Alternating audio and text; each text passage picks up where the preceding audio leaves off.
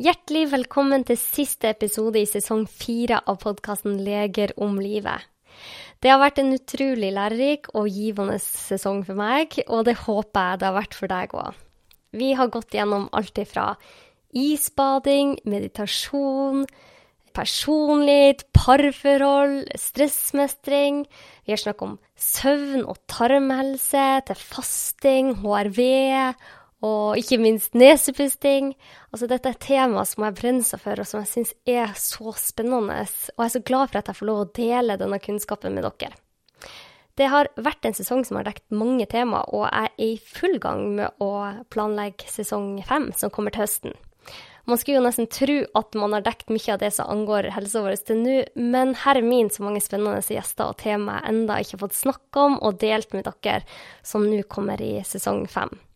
Siste episode i denne sesongen er en re-release. Det har blitt litt tradisjon at jeg sender en av de mest populære og tankevekkende episodene som avslutning på sesongen. Og denne gangen skal jeg dele en episode fra sesong to som virkelig fikk meg til å tenke. Jeg håper du får like mye glede av den som jeg fikk. Og med det så ønsker jeg deg en utrolig fin sommer. Jeg håper du får lade opp med både D-vitaminer og masse kjernetid med de du er glad i. Vi høres i sesong fem.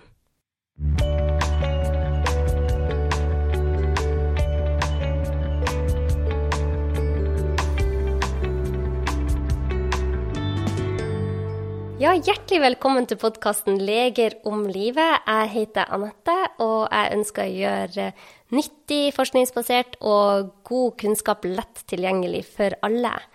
Og i dag så er jeg så heldig å skal ha en prat med han Andreas Pale. Han er lege og har eh, mange meritter som vi skal gå inn på. Vi skal snakke om nocebo og placeboeffekten og ja, litt om livet. Han, eh, Andreas har jo en eh, bachelorgrad i filosofi òg, og det er jo ikke så mange leger som har. Så dette blir en spennende prat. Hjertelig velkommen til podkasten, Andreas. Tusen takk. Ja, så hyggelig at du hadde lyst til å være med i eh, podkasten Leger om livet. Tusen takk for at jeg ble invitert. Det var jo veldig, veldig hyggelig. Nå sitter vi altså på kjøkkenet ditt. Vi prøvde oss på soverommet, men der kom den der lyden som er, skjedde en gang når jeg intervjua Hedvig Montgomery. Så vi har funnet ut at det må være et eller annet her i området som gjør at det kommer en, en sånn høyfrekvent lyd. Men her er det veldig god lyd.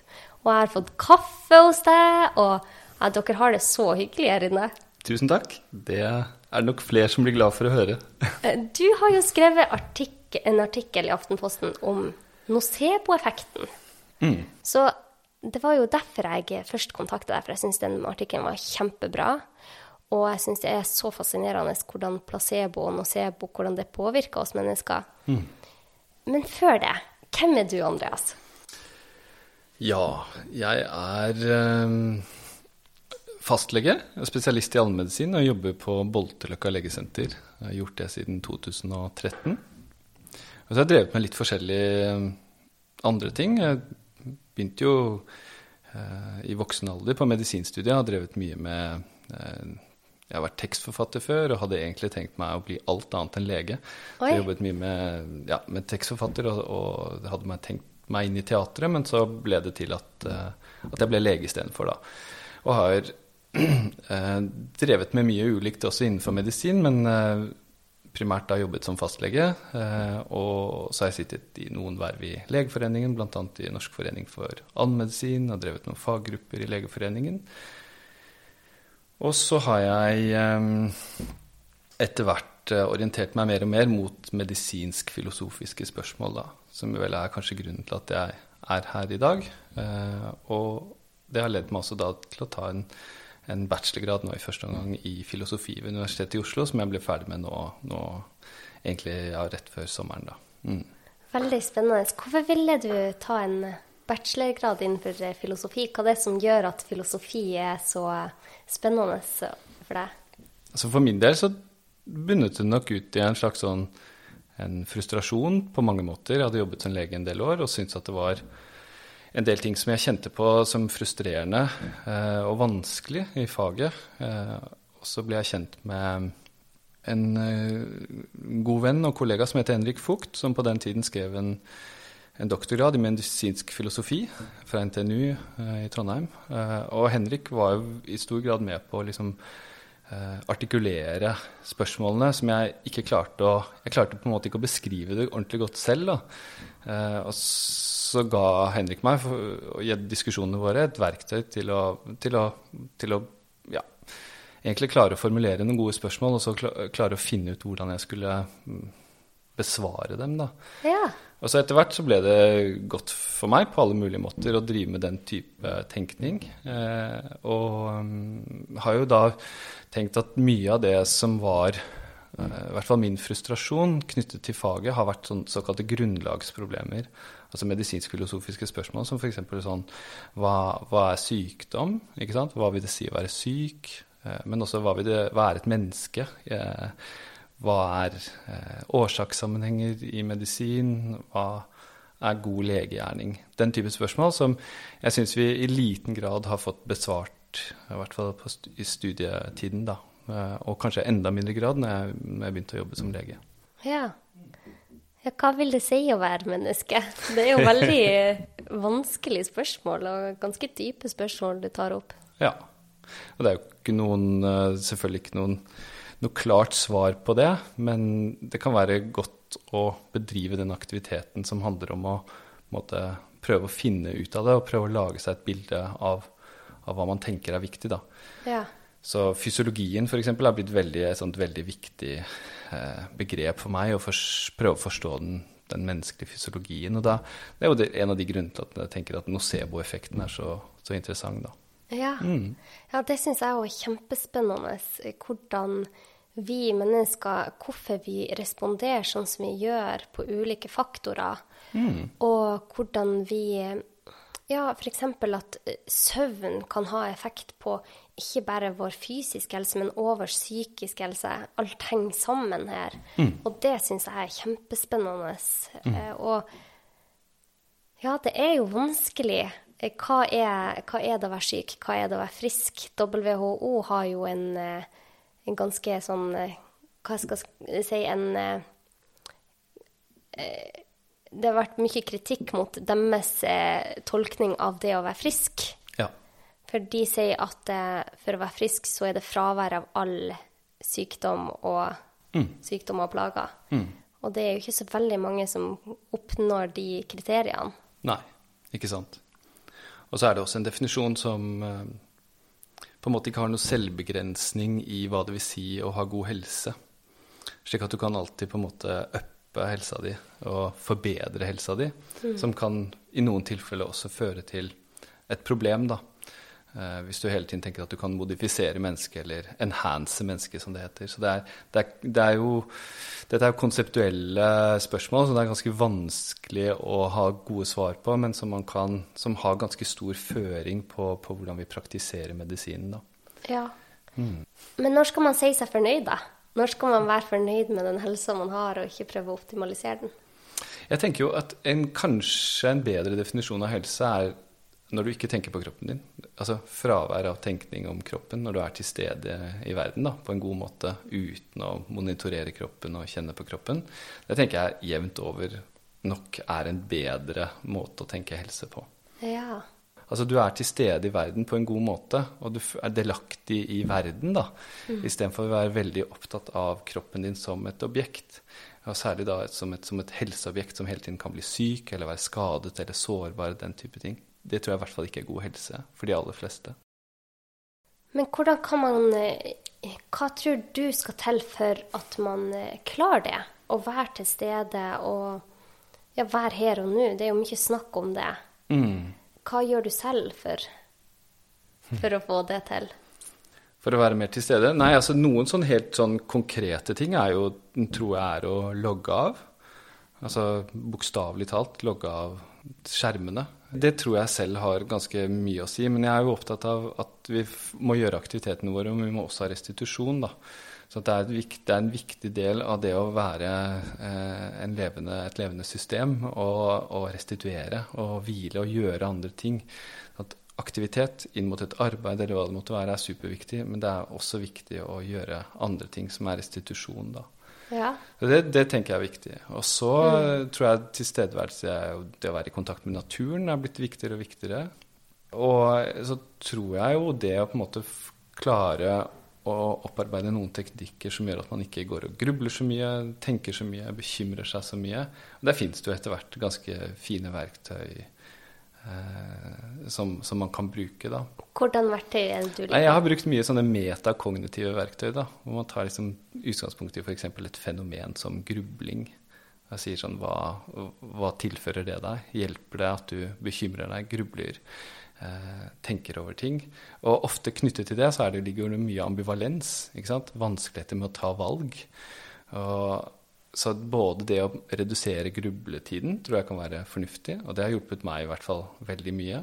Men også det å lære seg til å kunne ta valg under usikkerhet og stå for dem. Det tror jeg også er en sentral del av, av liksom det å redusere den totale stressmengden da, i et liv. Men hvordan kan man eh, redusere mengden grubling? Hvordan konkret gjør man det? Nei, en, en, sånn metakognitiv teknikk da, er jo det som heter bekymringsutsettelse. Og absolutt alle pasienter jeg møter i hverdagen min, sier at dette, jeg tror ikke på dette, det, det kommer ikke til å gå. ikke sant? Men det er pasienter da, som bruker mye tid på å bekymre seg, mye tid på å gruble, og, til, og som til slutt kanskje blir syke av det. Og så sier jeg at ok, det du kan gjøre, er at, eller det som er teorien rundt det, er at du er at du selv aktivt går inn og, og gjør grublingen. Du velger, du lar det skje. Og Det kan være f.eks. ved at du tar tak i en tanke, og så, deg, og, så, og så, tenker du mye på den. Og så kan du etter hvert komme i de situasjonene som er sånn metanivåer, hvor du begynner å irritere deg over at du grubler mye. Så det vil også på en måte være å gi næring til den grubletanken. Men det man kanskje istedenfor kan gjøre, er at man kan bestemme seg. Og det er jo sånn enkelt triks som ingen tror på, men som, som, som faktisk funker hvis, man, hvis, man, bruker litt tid på å trene seg opp til det. er å si at ok, i løpet av dagen så skal jeg gruble en halvtime. F.eks. jeg skal gruble fra klokka seks til halv sju. Da skal jeg få lov til å gruble så mye jeg vil. Men, men tiden før og etter da, da, skal jeg ikke gruble, da skal jeg heller gjøre de aktivitetene som jeg, som jeg, skal gjøre. Være sammen med barna mine, eller være på jobben, eller hva det måtte være. Så det du sier til deg selv, er at du ikke Du irriterer deg ikke over at du grubler. Du gir ikke noe næring til den tanken i det hele tatt. Du sier bare at dette bestemmer jeg meg for å tenke på senere. Ja. Og så er man bestemt for seg selv, eh, og så sier man at ok, dette er planen min. Nå skal jeg gruble seinere, men akkurat nå skal jeg ikke gjøre det. Og så hvis de kommer opp da på kvelden eller på morgenen, så, så sier du til deg selv OK, men klokka seks har jeg tid til å tenke på dette. Ja. Så hvis du, hvis du, glemmer det, så er det ikke sånn at du kan forskyve den tiden. For det, det er jo ikke den grubletiden som er poenget her. Nei. Poenget er jo at du tar kontroll over tankene både før og etter. Så hvis du kommer på at du skulle grubla klokka seks, og klokka er ni. Så er det ikke sånn at du kan begynne da. Da får du utsette det til dagen etter. Nettopp! Og det er egentlig det du sier, bare å være bevisst på tankene sine. Ja. For at det er så lett å havne i det hamsterhjulet der man bare man, man, er ikke bevisst hva man tenker i løpet av dagen. Det bare spinner. Ja.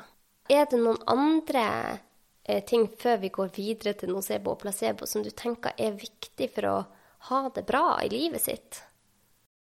Ja, jeg tenker jo det at eh, i hvert fall fra, fra et medisinsk ståsted, da, så tenker jeg at man skal være bevisst på at ethvert symptom eller enhver lidelse ikke kan forstås på en måte sånn, sånn, sånn, isolert fenomen, men det må forstås i sammenheng med hvem du er, og den sosiale konteksten du lever i, og kulturen du lever i. da. Så Det er litt viktig å skjønne at gode relasjoner, f.eks., eller et godt arbeidsmiljø, kan være med på å buffre opp gjøre at symptomer blir lettere, plager blir lettere. Men det motsatte er også riktig. Altså dårlige relasjoner, eh, dårlig arbeidsmiljø f.eks., altså de kontekstene vi ferdes mest i, da, som er hjemme og, og som er, er, på jobben, de, det, de, de kan frembringe sykdom. Så vi må forstå oss selv i sammenheng.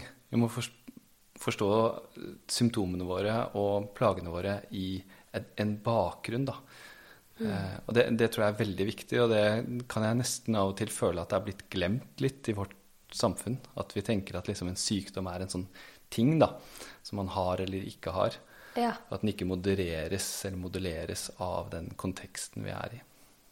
Men det gjør den jo i høyeste grad, og det har jo mange studier vist òg. Så det er jo kjempespennende, syns jeg. For da går vi fra å se på kroppen og sinnet som et objekt, til å bli noe egentlig mye større enn det. Ikke sant? Og Og vi kan også da overordnet snakke om kulturer ikke sant? og samfunn som kan, kan være, løse sånne problemer på god eller dårlig måte. Så jeg tror hele tiden det er viktig å forstå seg selv hvert som en del av en større sammenheng. da. ja. Mm. Så det å se på relasjonene sine, det er viktig for helsa vår. Jeg tror det er helt sentralt. Ja. Ja, for når du kommer inn på det Ja. Vi skal jo snakke om nocebo og placebo. Ja. Men hva er forskjellen på de to? ja. Jeg tenker kanskje at jeg Kan jeg begynne med en historie? Ja, veldig gjerne. Jeg kan jeg begynne med to historier. Det tror jeg jeg skal gjøre. ja, det første historien er, fra, er gjengitt i et medisinsk eh, tidsskrift i 2007.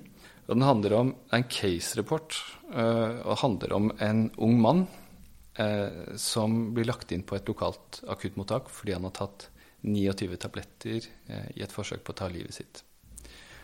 Når han kommer til det akuttmottaket, så beskrives han som dårlig. og Han føler seg også veldig dårlig. Han har et lavt blodtrykk bl.a. 80 over 40. Oi. Så legene i mottak de bestemmer seg for å gi han intravenøs væske. Og i løpet av den tiden han er i, i mottaket, så får han seks liter intravenøs væske uten at det gjør noe særlig for blodtrykket. Oi. Og Så kommer det fram etter hvert at han er en del av en legemiddelstudie eh, som undersøker effekten av et nytt antidepressivt middel. Og Der har halvparten av eh, pasientene fått eh, legemiddelet, det ekte legemiddelet, og halvparten har fått sukkerpillen. Etter hvert så blir det rullet opp, og man forstår at han har tatt 29 sukkerpiller. Og når han skjønner det, så stiger trykket eh, ganske raskt. Han blir skrevet ut. Så Det er den første historien. Og den andre historien den er litt mer lokal. Eh, Og den er fra en postterminal i Vestfold. Eh, I 2016 så er det en ansatt som finner noe hvitt pulver eh, som, som siver ut fra en eske. Og dette var i en bakgrunns... Apropos bakgrunnsteppe her, så, så var det en, en eh, kontekst eh, hvor det var mye snakk om antrax, altså miltbrannbakterien. Ja, jeg husker det. Ja. Så eh, han ble bekymret, tenkte at dette var miltbrann, eh, og utviklet raskt symptomer på, på det. Eh, med sår hals, eh, sykdomsfølelse, eh, kløe osv. Han ble lagt inn på sykehus til observasjon, eh, og i løpet av de neste timene så er det 44 eh, mennesker som oppsøker helsetjenesten, hvorav 14 blir innlagt på Tønsberg sykehus for, for observasjon. Oi. Og vi kjenner jo noen av legene som jobbet i mottak den dagen. Og, Ja, ja, det er sant, det. ja, og vet jo etter samtale med dem at det var snakk om dårlige pasienter. Ja. Men det pulveret ble analysert, og det viste seg at det var mel. ja. Og de ble raskt bedre og skrevet ut i velbefinnende. Når de fikk vite da at det var mel. Ja. Og så er jo da ikke sant, Det store poenget her er jo at ok, det var ingen klar farmakologisk, sånn klassisk farmakologisk grunn, men det var heller ikke noen infeksjonsmessig grunn til at de skulle føle seg så dårlige eller ha de, den fysiologien som de hadde. Men likevel så, så hadde de det. Og hva kan det være? Jo, det kan bl.a. forklares av det vi kaller nocebo-effekten. Og helt sånn definisjonsmessig så, så er det da snakk om de effektene som vi har når vi har negative forventninger til egen helse. Det er en rekke studier som har studert og dokumentert disse effektene. Eh, I alt fra eh, legemiddelstudier eh, til, eh, til informert samtykkeprosess til den kliniske settingen, men også til helsekampanjer. Eh, og, og vi kan måle disse effektene på ulike måter, men jeg tror det som er litt sånn sentralt for meg eh, å påpeke i dag, da, er jo at det er interessant her at vi kan måle så mange biologiske endringer. Ja. Så, så, så det, en veldig sterk nocebo-effekt som heter verbalindusert smerte. Altså at jeg sier til deg at nå kommer du til å få Hvis jeg gir deg denne pilen, eller hva det måtte være, så kommer du til å få mye smerter, eller du kommer til å få den og den bivirkningen som er smertefull. Så, så kan vi f.eks. måle en endring i noen signalstoffer og det som heter kjolestystokinin. Og hvis vi, hvis vi, gjør undersøkelser av eh, smertepasienter som forventer mye smerte, så ser vi at områder i hjernen og ryggmargen lyser opp da ved avanserte billedundersøkelser. Så det er en interessant eh, observasjon, og et, for meg et, på en måte et slags sånn bevis på at det er en klar sammenheng mellom psykologien vår, eller tenkningen vår, da, ja. og bevisstheten vår på den ene siden, og biologien vår på den andre siden. For det er jo rett og slett fysiske endringer, sånn som de du sa som ble innlagt i Vestfold. De hadde pusteproblemer, hudutslett. Ja. Altså, de hadde reelle plager som man kunne se og måle. Mm. Og så viste det seg at det er bare sinnet som har vært kjemperedd for at dette er noe farlig, og så har man fått symptomer av det. Det er veldig veldig fascinerende. Ja, og kanskje enda mer studert er jo dette når det gjelder placeboeffekten. Ikke sant? Hvis nocebo var negative forventninger til egen helse, ja. så er placebo definert som de effektene som vi kan se ved positive forventninger til egen helse. Og der er det jo f.eks. sånn at vi kan se endringer i, i endoopioidene, som er signalstoffer for smerte, ikke sant? og endokanamboider, vasopressin, oksytocin Masse ulikt som vi kan, som vi kan måle, rett og slett. Um, og jeg tenker at enda mer interessant er det at det ser ut til at det er på en måte disse eh, signalstoffene da, ser ut til å, å, å, være spesifikt knyttet til hvor de skal virke. Ja. Altså F.eks. om de skal virke inn mot smerte, eller om de skal virke inn mot immunsystemet. Men det er også på en måte knyttet til spesifikke sykdommer. slik at Et eksempel kan være hvis du har dopaminfrigjøring da, i hjernen. Eh, så spiller det en rolle i placeboeffekter ved Parkinsons sykdom, som er en dopaminsykdom på mange måter. Men det spiller ikke inn som en placeboeffekt ved smerte. Nettopp. Så det handler veldig om hva du forventer at det skal virke imot. Ja, mm. ikke sant? Mm. Hva i alle dager?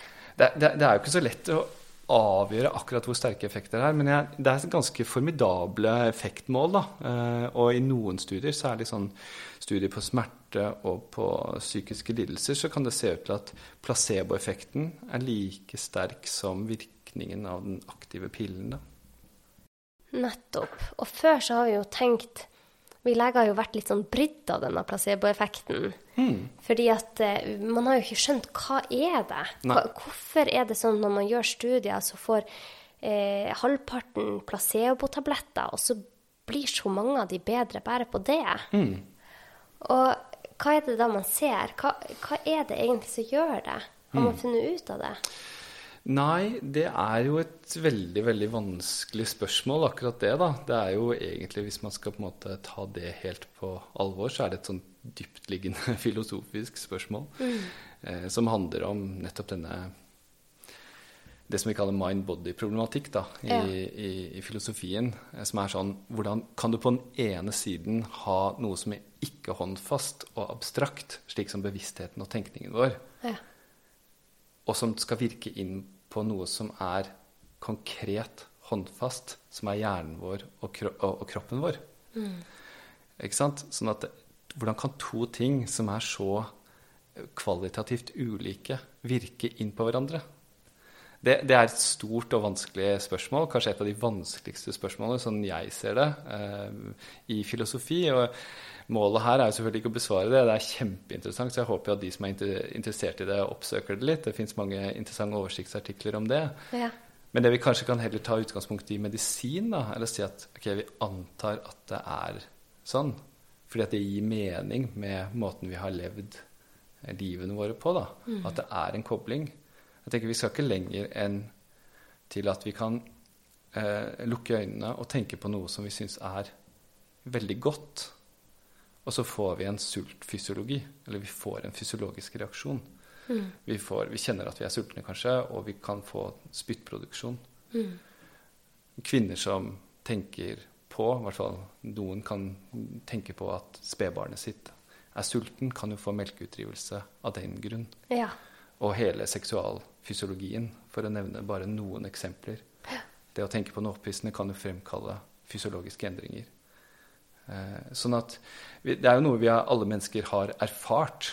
Eh, Og det ville vært rart om Ja, eller vi har erfart det. Ja, jeg vet ikke hvordan jeg skal si det. Ja. Ja. Noe som vi alle mennesker har erfart. Ja. Og det syns jeg er så spennende. Og vet du hvem han er? Han har verdens vanskeligste ord. Ted Kapchuk. Nei, Vet ikke det. er. Å, herregud, jeg får alltid lyst til å si ketchup når jeg sier eh, navnet. Så han Ted Kapchuk, han er en professor ved Harvard University og har forska på placebo i jeg husker ikke, mange, mange tiår. Mm. Og han tror at Og en av årsakene til at placebo virker så godt på oss, er at ofte så har det med at vi får en relasjon til noen andre. At det er noen andre som kommer til deg og gir Du kommer inn i et sykehus eller et sted og får en medisin da. Og at det gjør noe med deg at å bare bli tatt vare på har en veldig sterk effekt på oss. Og det var jo vi inne på før òg, relasjoner, hvor viktig det er for oss. Så det er så mange koblinger her som kan gjøre at vi Vår tanke rett og slett om hva som skjer, kan endre vår fysiologi og vår eh, fysiske kropp. Ikke sant? Og jeg gleder meg så til å se mer studier på det, men jeg tror kanskje ikke vi kommer noen gang til å finne ut av hele sammenhengen her. Nei, eh, jeg tenker at eh, i hvert fall hvis man er veldig sånn strengt opptatt av å klare å identifisere uh, årsakssammenhengen, da, så, så vil det ikke hjelpe uh, medisinen nå. Da er det lettere å si at vi bare antar at det er sånn. Ja. Det, det er mye mer gunstig for oss, for jeg tror vi kan forklare utrolig mye mer.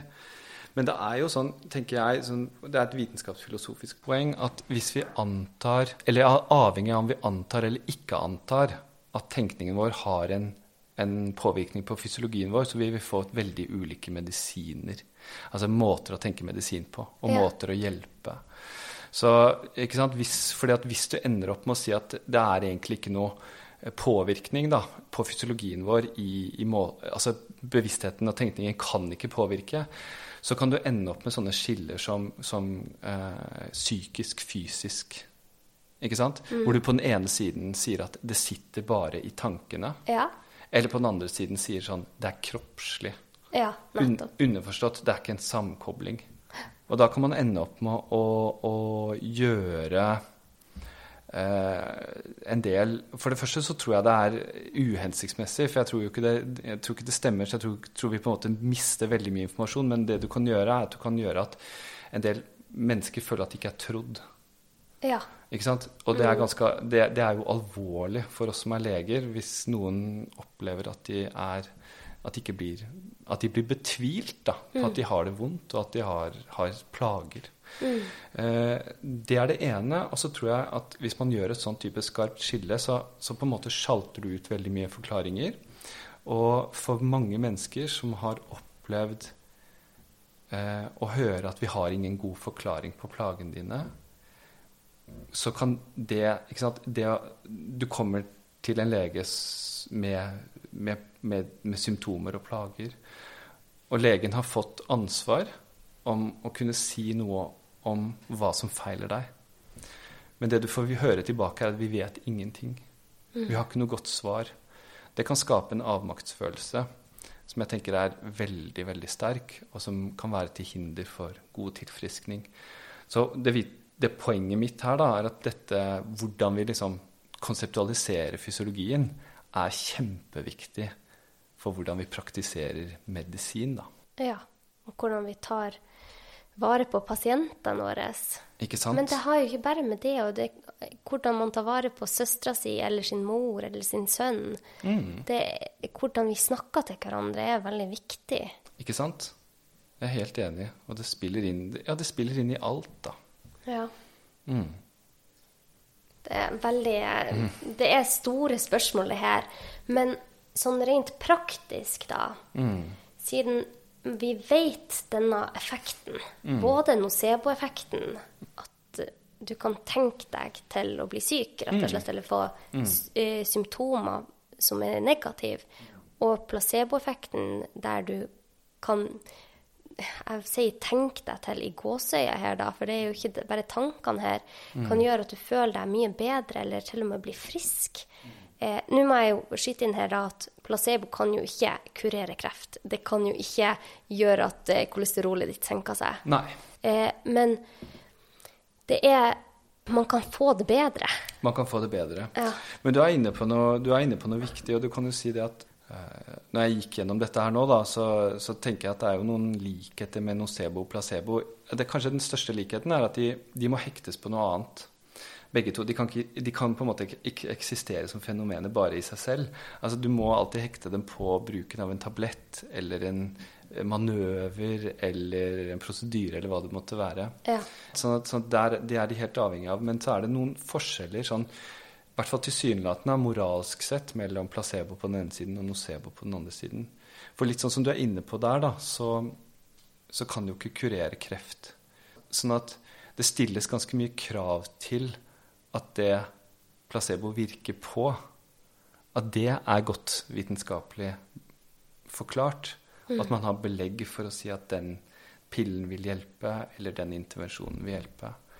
Fordi eh, hvis det ikke gjør det Altså, du kan jo alltids føle deg bedre av placeboeffekten, men det du står i fare for, er jo, er jo å gli ut i det spekulative og kvakksalveri, ikke sant? Ja. Og det, det er jo veldig alvorlig, og særlig Det er alvorlig i seg selv. Eller blir jo mer alvorlig hvis på en måte dette er fordi at legen skal tjene penger på det, Mm. f.eks. Så eh, det må stilles Legene må på en måte ha en god, god begrunnelse mm, på at de gjør det de gjør i utgangspunktet. Og så blir jo spørsmålet hvor mye man skal tillegge placeboeffekten oppå det som en slags sånn tilleggsgevinst. da. Ja. Men jeg tenker at det er viktig å være klar over for Mm. oss alle. fordi at hvis man ser på studiet, da, Mm. så eh, de som tenker positivt om helsa si, har ofte bedre helse. Mm. Det er ganske sterkt, det. Veldig. Optimister har 77% mindre risiko for hjerte-karsykdom enn pessimister. Ja. Og ja, mennesker som har gode sosiale nettverk, har halvparten så stor risiko for hjerte-karsykdom som de som er ensomme. Det er så mange em, faktorer som spiller inn på helsa vår. Og når vi vet det at kroppen og sinnet vårt er ikke to forskjellige enheter, så er det en start for å få det bedre. Hvis man har det dårlig. Ikke sant? Og så aksepterer det, da. Og så tror jeg på en måte at her er jo Eller her har medisinen et veldig stort ansvar i måten vi formulerer disse tingene på. fordi at hvis vi sier at det vi kan uttale oss om da, i medisinen, det er egentlig en medisinsk kunnskap som er ganske sånn redusert etter hvert. Som er redusert til liksom det tellbare, veibare, målbare. Altså det kvantifiserbare. Så tenker jeg at det er Det kan være det, det trenger vi selvfølgelig også. Vi trenger empiriske studier. Vi trenger kvantifiserbare eller kvantitative studier. Men hvis vi skal forklare alle typer ting med den type kunnskap, så tror jeg vi ender opp med å, å kanskje gjøre det vanskelig for folk. Og jeg kan begrunne det fordi at eh, i møte med nye fenomener så vil vi da ikke ha noe egentlig vi kan, klare, kan si. Hvis man, hvis man følger det. Og jeg mener at det er, en, det er egentlig det som er litt gjeldende i medisinen i dag. Da. For eksempel så, møtt, så syns jeg vi har møtt det vitenskapssynet mange ganger i covid-pandemien. Ja. Um, hvor forskere f.eks. sier at vi, vi kan ikke uttale oss om eh, et eller annet fenomen knytta til viruset fordi vi ikke har empiriske studier ennå. Og det var jo det Henrik Fugt og jeg skrev om i forbindelse med det, det som man kaller long covid. da, uh, Som er at noen mennesker opplever vedvarende symptomer etter infeksjonen med, med viruset. Uh, ikke sant? Og det, det er en uheldig måte å se på medisinsk kunnskap på, fordi det kan hindre mange mennesker i å bli friske. Så jeg mener at der må vi gjøre noe eh, Da må vi ha litt bredere kunnskapsbegrep. Ja. Og tenke at vi har mye generell kunnskap. Kunnskap om nocebo er f.eks. en generell kunnskap. Eh, kunnskap om hvordan virus oppfører seg, om, hva, om infeksjoner generelt. Det er også mye generell kunnskap i det. Og vi har også mye generell kunnskap om hva som gjør at noen mennesker kan ha vedvarende fysiske plager. Og der spiller bl.a. nocebo inn. Så der mener jeg at leger egentlig bør kunne gjøre seg opp en mening om hva er det som er plausibelt. Hvordan, hvordan skal vi fortolke liksom, all den kunnskapen vi har, og prøve å, å, kunne si noe også i møte med det som er nytt for oss, mm. og det som blir ofte forklart som da uforklart. Mm. Fordi at det er egentlig bare uforklart innenfor et visst rammeverk. Som er et sånn, det tellbare rammeverket. da. Så jeg tenker at det, Hvis du åpner opp kunnskaps... Eh, Eh, ja, altså måten du ser på medisinsk kunnskap på, så har man en mye mer forklaringskraft, og vi kan hjelpe flere mennesker.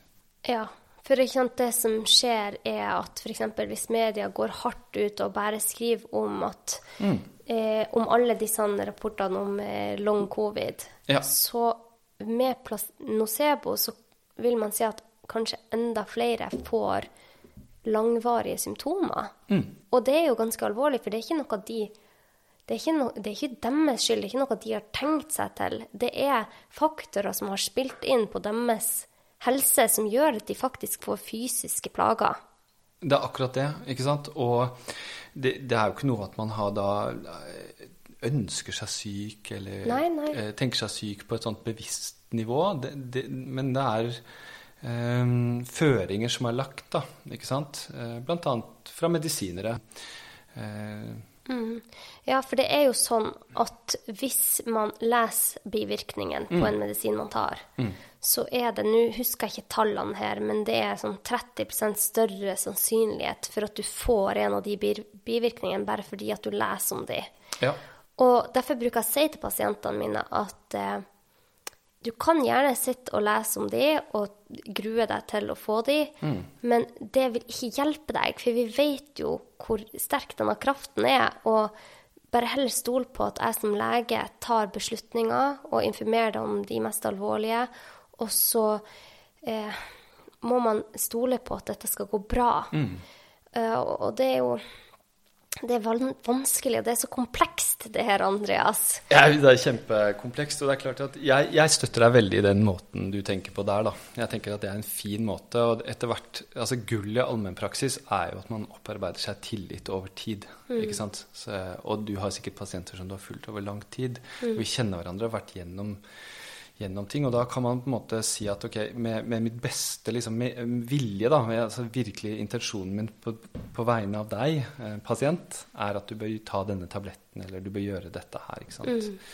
Eh, og forhåpentligvis liksom vil være en troverdighet da, eh, inn, inn, inn, i spørsmålet om man skal ta en tablett eller ikke. Mm. Men jeg er jo helt enig med deg, og det, det er jeg tenker, Så lenge vi på en måte klarer å holde en faglighet At vi, tenker at en behandling er god for pasienten, mm. faglig og moralsk, så, så, tenker jeg at vi kan tillate oss å gi en del føringer på placebo. Eh, mm. Si at jeg eh, Ja, jeg tenker at dette er, dette er, en god behandling for deg. Mm. Det, dette tror jeg virkelig vil hjelpe deg, å si det eh, med overbevisning. Ja. Eh, og så får man den tilleggsgevinsten som er placebo forhåpentligvis med der. For det handler om tilleggsgevinsten. Og da har jeg en historie fra turnus. Med, jeg hadde en utrolig flink overlege på ortopedi mm. som jeg likte så godt. Men eh, han hadde ikke nok lest mye om placebo- nocebo-effekten, mm. så han sa til meg at når han hadde pasienter som han kanskje tenkte at ikke kom til å gå igjen, så sa han det veldig ofte til dem. Du kommer aldri til å gå igjen, sånn at de fikk en positiv opplevelse hvis de klarte å gå igjen. Ja, ikke sant. Men det blir jo veldig Da gir du pasienten din en, en ganske eh, dårlig nocebo-effekt, fordi at da sier jeg til deg som pasient jeg tror kanskje ikke du kommer til å gå igjen. Mm. Og da er det forsterka det følelsen av kanskje de faktisk ikke klarer å gå igjen, enn å si sånn denne operasjonen gikk så bra. Mm. Jeg er veldig trua på at dette skal gå bra. Mm. Og så får vi se. Jeg tar deg inn om to uker, så ser vi hvordan det går med deg. Og da får de en helt annen følelse rundt det som har skjedd. Ja. Og den kraften der er så sterk.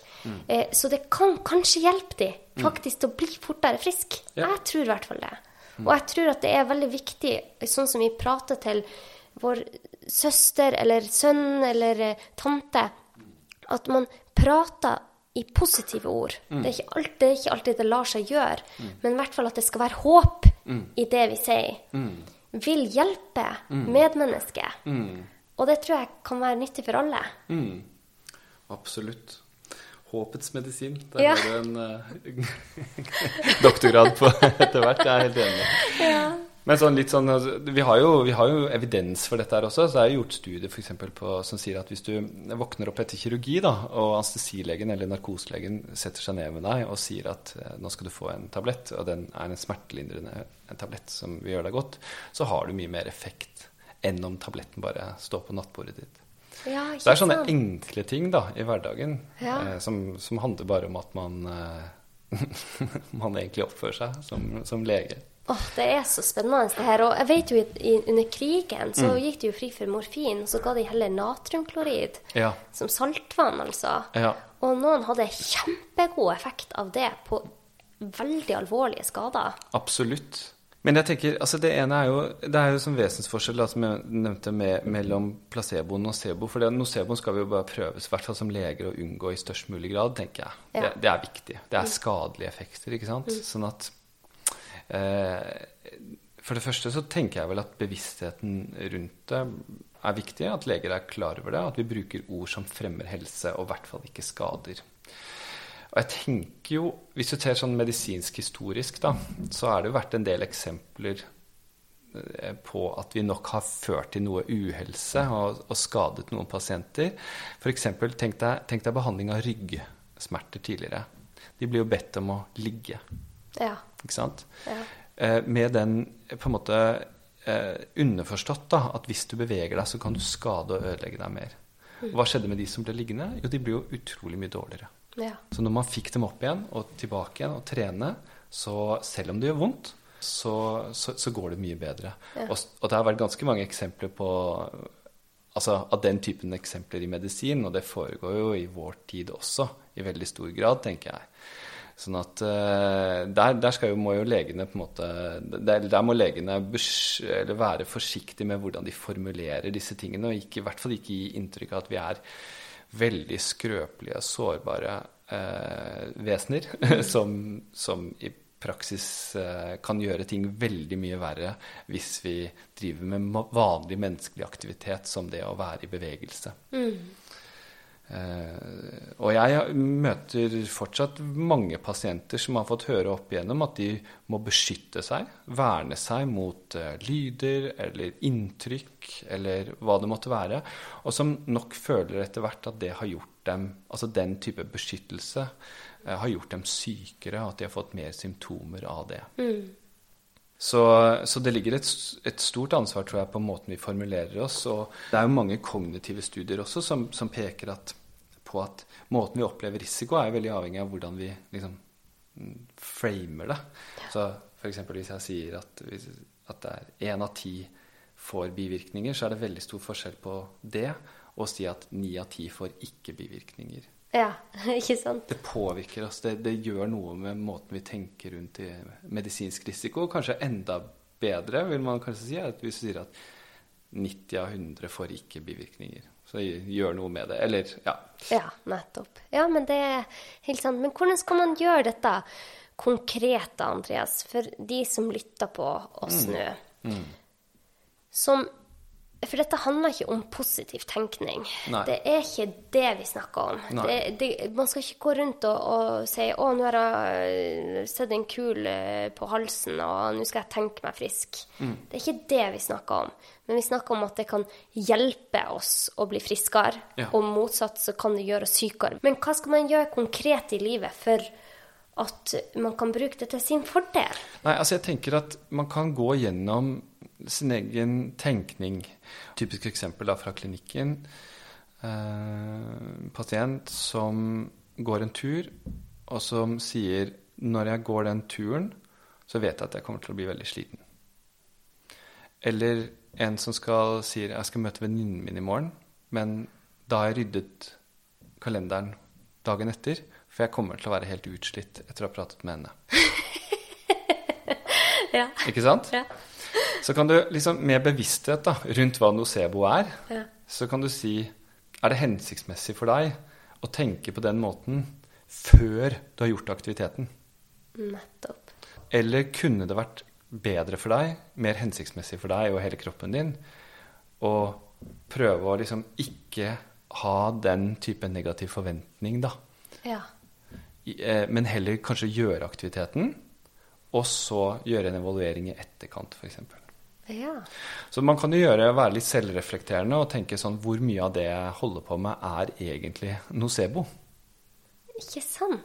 Det er- trenger jo ikke være mer dramatisk enn det. Og så kan man si ok, jeg, jeg gjør det lite. Jeg tenker lite på det. Det er jo helt fair. Eh, Og så er det noen som kanskje får seg en åpenbaring og tenker ok, jeg, jeg driver faktisk ganske mye med, med dette.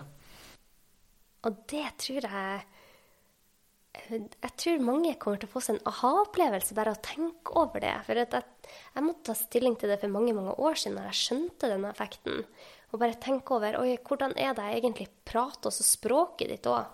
Hva det er du sier. Eh, hvordan du snakker høyt om hvordan du føler deg, hvordan du har det. Har en så sterk effekt på oss. Ja. Og man har jo funnet ut bare en sånn banal studie, da, men der de satt mange mennesker rundt en, et bord, og så var det noen som satt på skikkelig harde krakker, og noen som satt på myke, deilige stoler. Ja.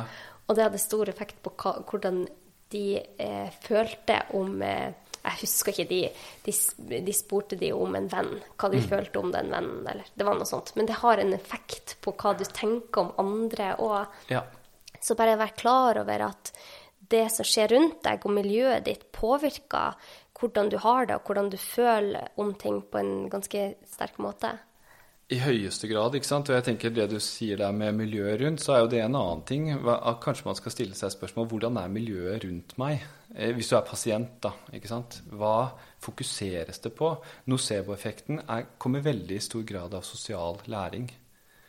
Så hvis du har en, en situasjon, da, en hjemmesituasjon hvor det er veldig mye fokus f.eks. på sykdom, hvor det orienterer seg mot det som er eh, dysfunksjon, da, ikke sant?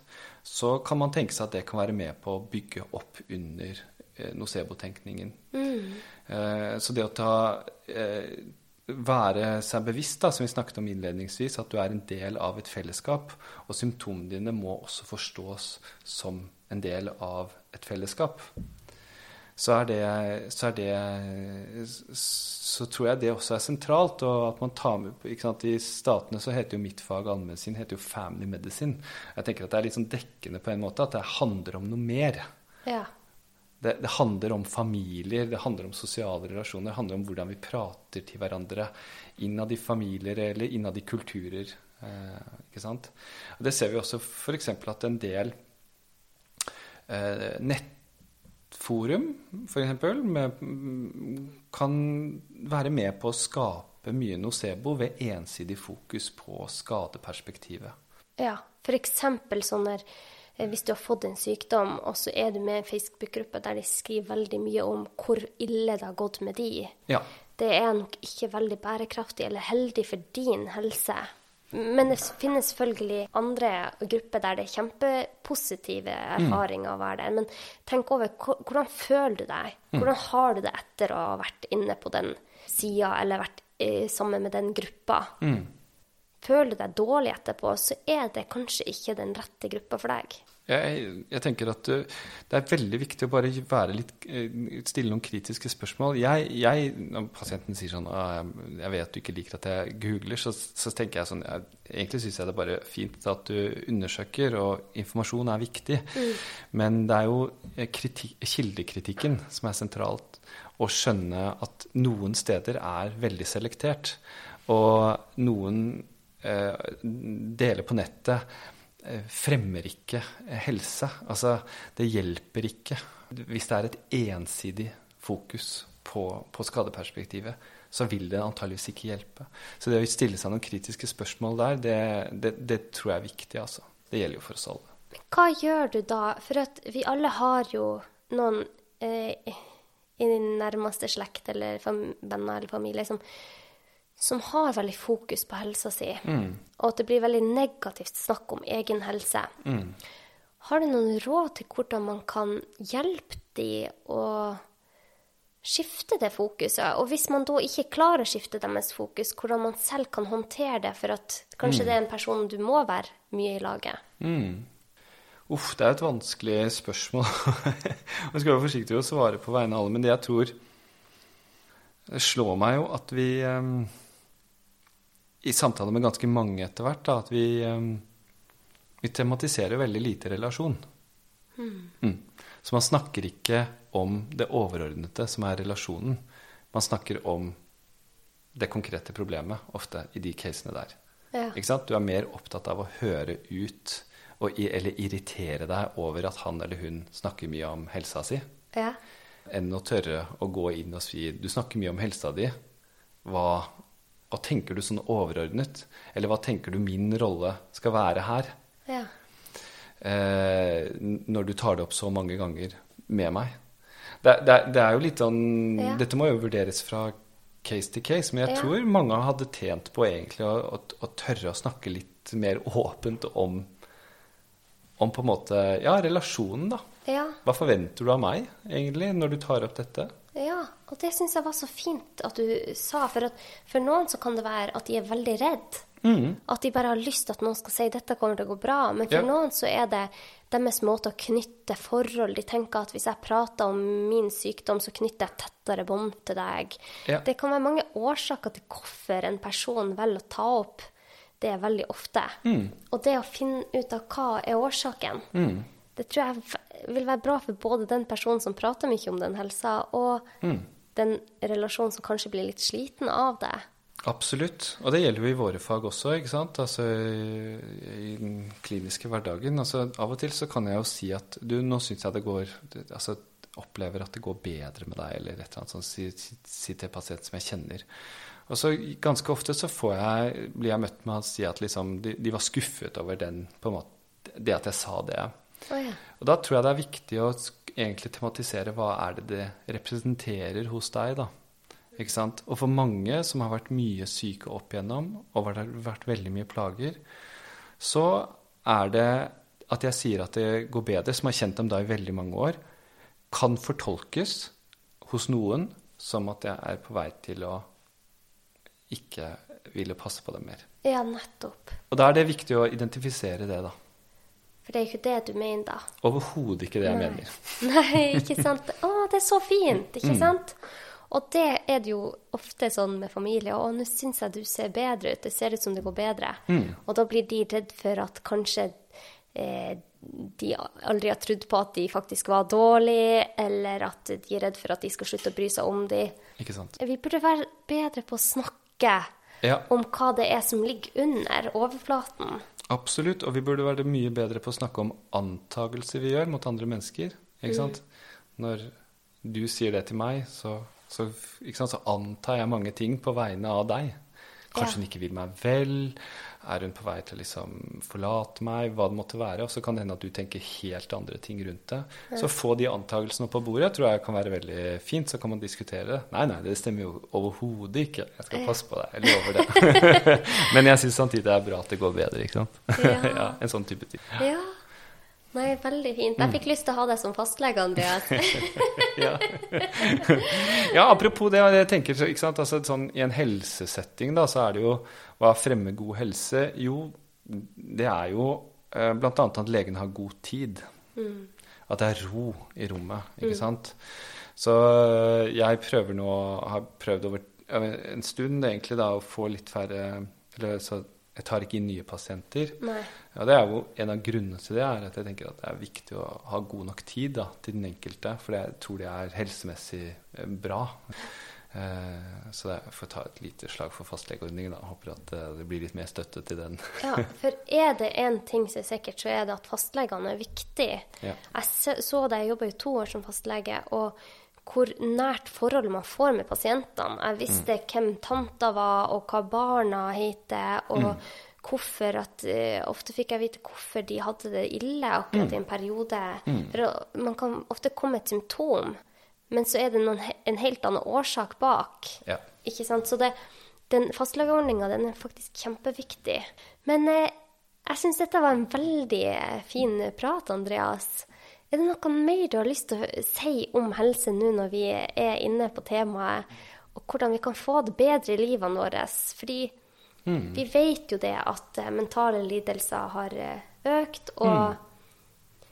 ja, det er, det er vanskelig å være menneske av og til. Ja, det er vanskelig å være menneske, og det er vanskelig å få um, Altså man har liksom som et utgangspunkt at man skal ha full, full kontroll, f.eks., på et liv, så tror jeg det Da har man gjort det litt vanskelig for seg selv. En del ting er, er så komplekst og så utenfor vår natur at, vi, at det, det, å liksom detaljstyre eh, det, det, tror jeg ikke er gunstig da. Mm, ja. Jeg er litt mer opptatt av at Eller det er litt inspirert av liksom spesialsoldater i Forsvaret, faktisk. Jeg synes det er veldig interessant. De går jo inn, i hvert fall sånn som jeg forstår dem, da.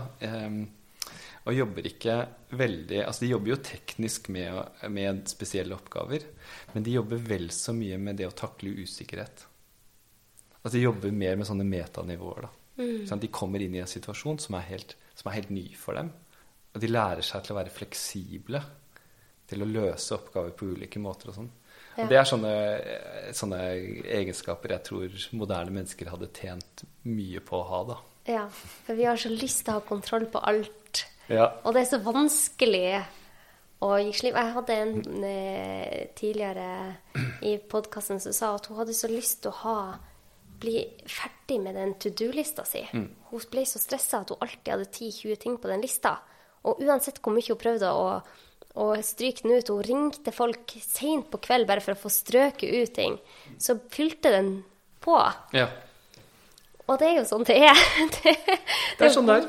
Det å godta det, det er kjempevanskelig, men samtidig, når du har godtatt det, så er det så deilig. Og det, du vet jo godt hvem han Ingvar Wilhelmsen er. Ja, ja, ja. Han var jo i eh, podkasten tidligere, og han sa det der å bare aksepter det å være dødelig, og aksepter det at du ikke har kontroll. Ja det, det høres så enkelt ut men, eh, og banalt ut, men hvis man klarer det, så er jeg overbevist om at man får det bedre. Ja, jeg, jeg, jeg tror også det. Jeg tror i hvert fall de, de forsøkene på å ta kontroll er ganske Det er, det er krevende, for å, si det, for å si det mildt. Ja. Ja. Men det er ikke det samme som at man skal være At man ikke skal legge planer, at man ikke skal på en måte gjøre seg opp en mening om hva, hva, man ønsker og sånn. Absolutt ikke. Det er bare at man må la noen ting være som de er, komplekse. Eh, og så heller øve seg på å takle den kompleksiteten. Takle noe usikkerhet. Mm. Ja. Og ikke gjøre for mange ting, da. Det tror jeg. Ingvar Wilhelmsen har et veldig godt sitat. Gjør det du, det du kan gjøre noe med, gjør det. Resten la det være. Ja. ja, det er fint sagt, altså. Jeg er helt enig. Jeg tror jeg må ta deg inn på nytt, Andreas. For vi har så mye å prate om. ja, ja, ja. Men eh, nå får vi takke for oss i dag. Men jeg vil spørre deg et siste spørsmål. Hva tenker du er det viktigste for å få et godt liv? Hmm. Kan jeg si to ting? Ja, du kan si to ting. Jeg tror gode relasjoner er ekstremt viktig. Ja. ja. Det er i hvert fall min erfaring. Forholdet mitt med kona mi som en veldig, veldig, veldig viktig Den viktigste delen i mitt liv, og barna mine. og Også moren min og broren min i en sånn utvidet uh, krets. Det er trygge relasjoner som har tålt mye opp igjennom, og som, som er veldig godt, da for mm. oss. Eller i hvert fall for meg. Så jeg vil slå et slag for relasjoner, og utvide det til å også tenke på de relasjonene man har i jobb. Eh, så konteksten både hjemme og på jobb viktig. Så det er det ene biten. Og så den andre biten er at jeg tror vi har lurt til å tenke Prøve å ha en slags livsfilosofi. Det tror jeg kan være fint. Og den bør bestå av to ting. Ja. det ene tenker jeg er en slags idé om hvordan verden henger sammen. Mm. Eh, og det andre er en idé om hvordan vi skal oppføre oss mot andre mennesker. Så det, det tenker jeg det er et evig prosjekt, og man blir jo aldri helt klar med seg selv på, på dette. Men det å i hvert fall, tror jeg for min del, da, prøve å etablere en sånn type livsfilosofi, det, det har i hvert fall vært en del av det gode livet for meg. Og så må man ta seg en fest og kose seg litt en gang iblant. ja. Å, det var veldig fint. Tusen takk for at du tok deg tid til å være med i podkasten, Andreas. Hvor kan lytterne mine finne deg? Ja, kan vel ikke finne meg sånn. Du er ikke på sosiale medier? Å ja, sånn ja. Nei, ja, nei, jeg er egentlig Altså, jeg Du kan gjerne Jeg har jo en Facebook-profil, men jeg er ikke, nesten ikke innom der. Nei. Eh, og Nei, så du finner meg ikke så mange. Nei, men du, da tar vi deg inn på nytt igjen Ja, om ei stund. Og så hvis dere har noen spørsmål til han Andreas, så skriv de til meg. Så skal jeg spørre han om det neste gang vi møtes. Ja, det er fint. Ja. Det er bedre det. Ja. Tusen takk for at du ble med. Tusen takk for at jeg kunne være med. Og hvis eh, du har noen tilbakemeldinger eller tips eller råd du ønsker å skrive inn, så bare skriv under episoden på Instagram eller Facebook. Eh, der vet dere at dere kan nå meg. Og eh, ja, bare trykk abonner hvis du liker denne podkasten. Ha en kjempefin dag. Ha det godt.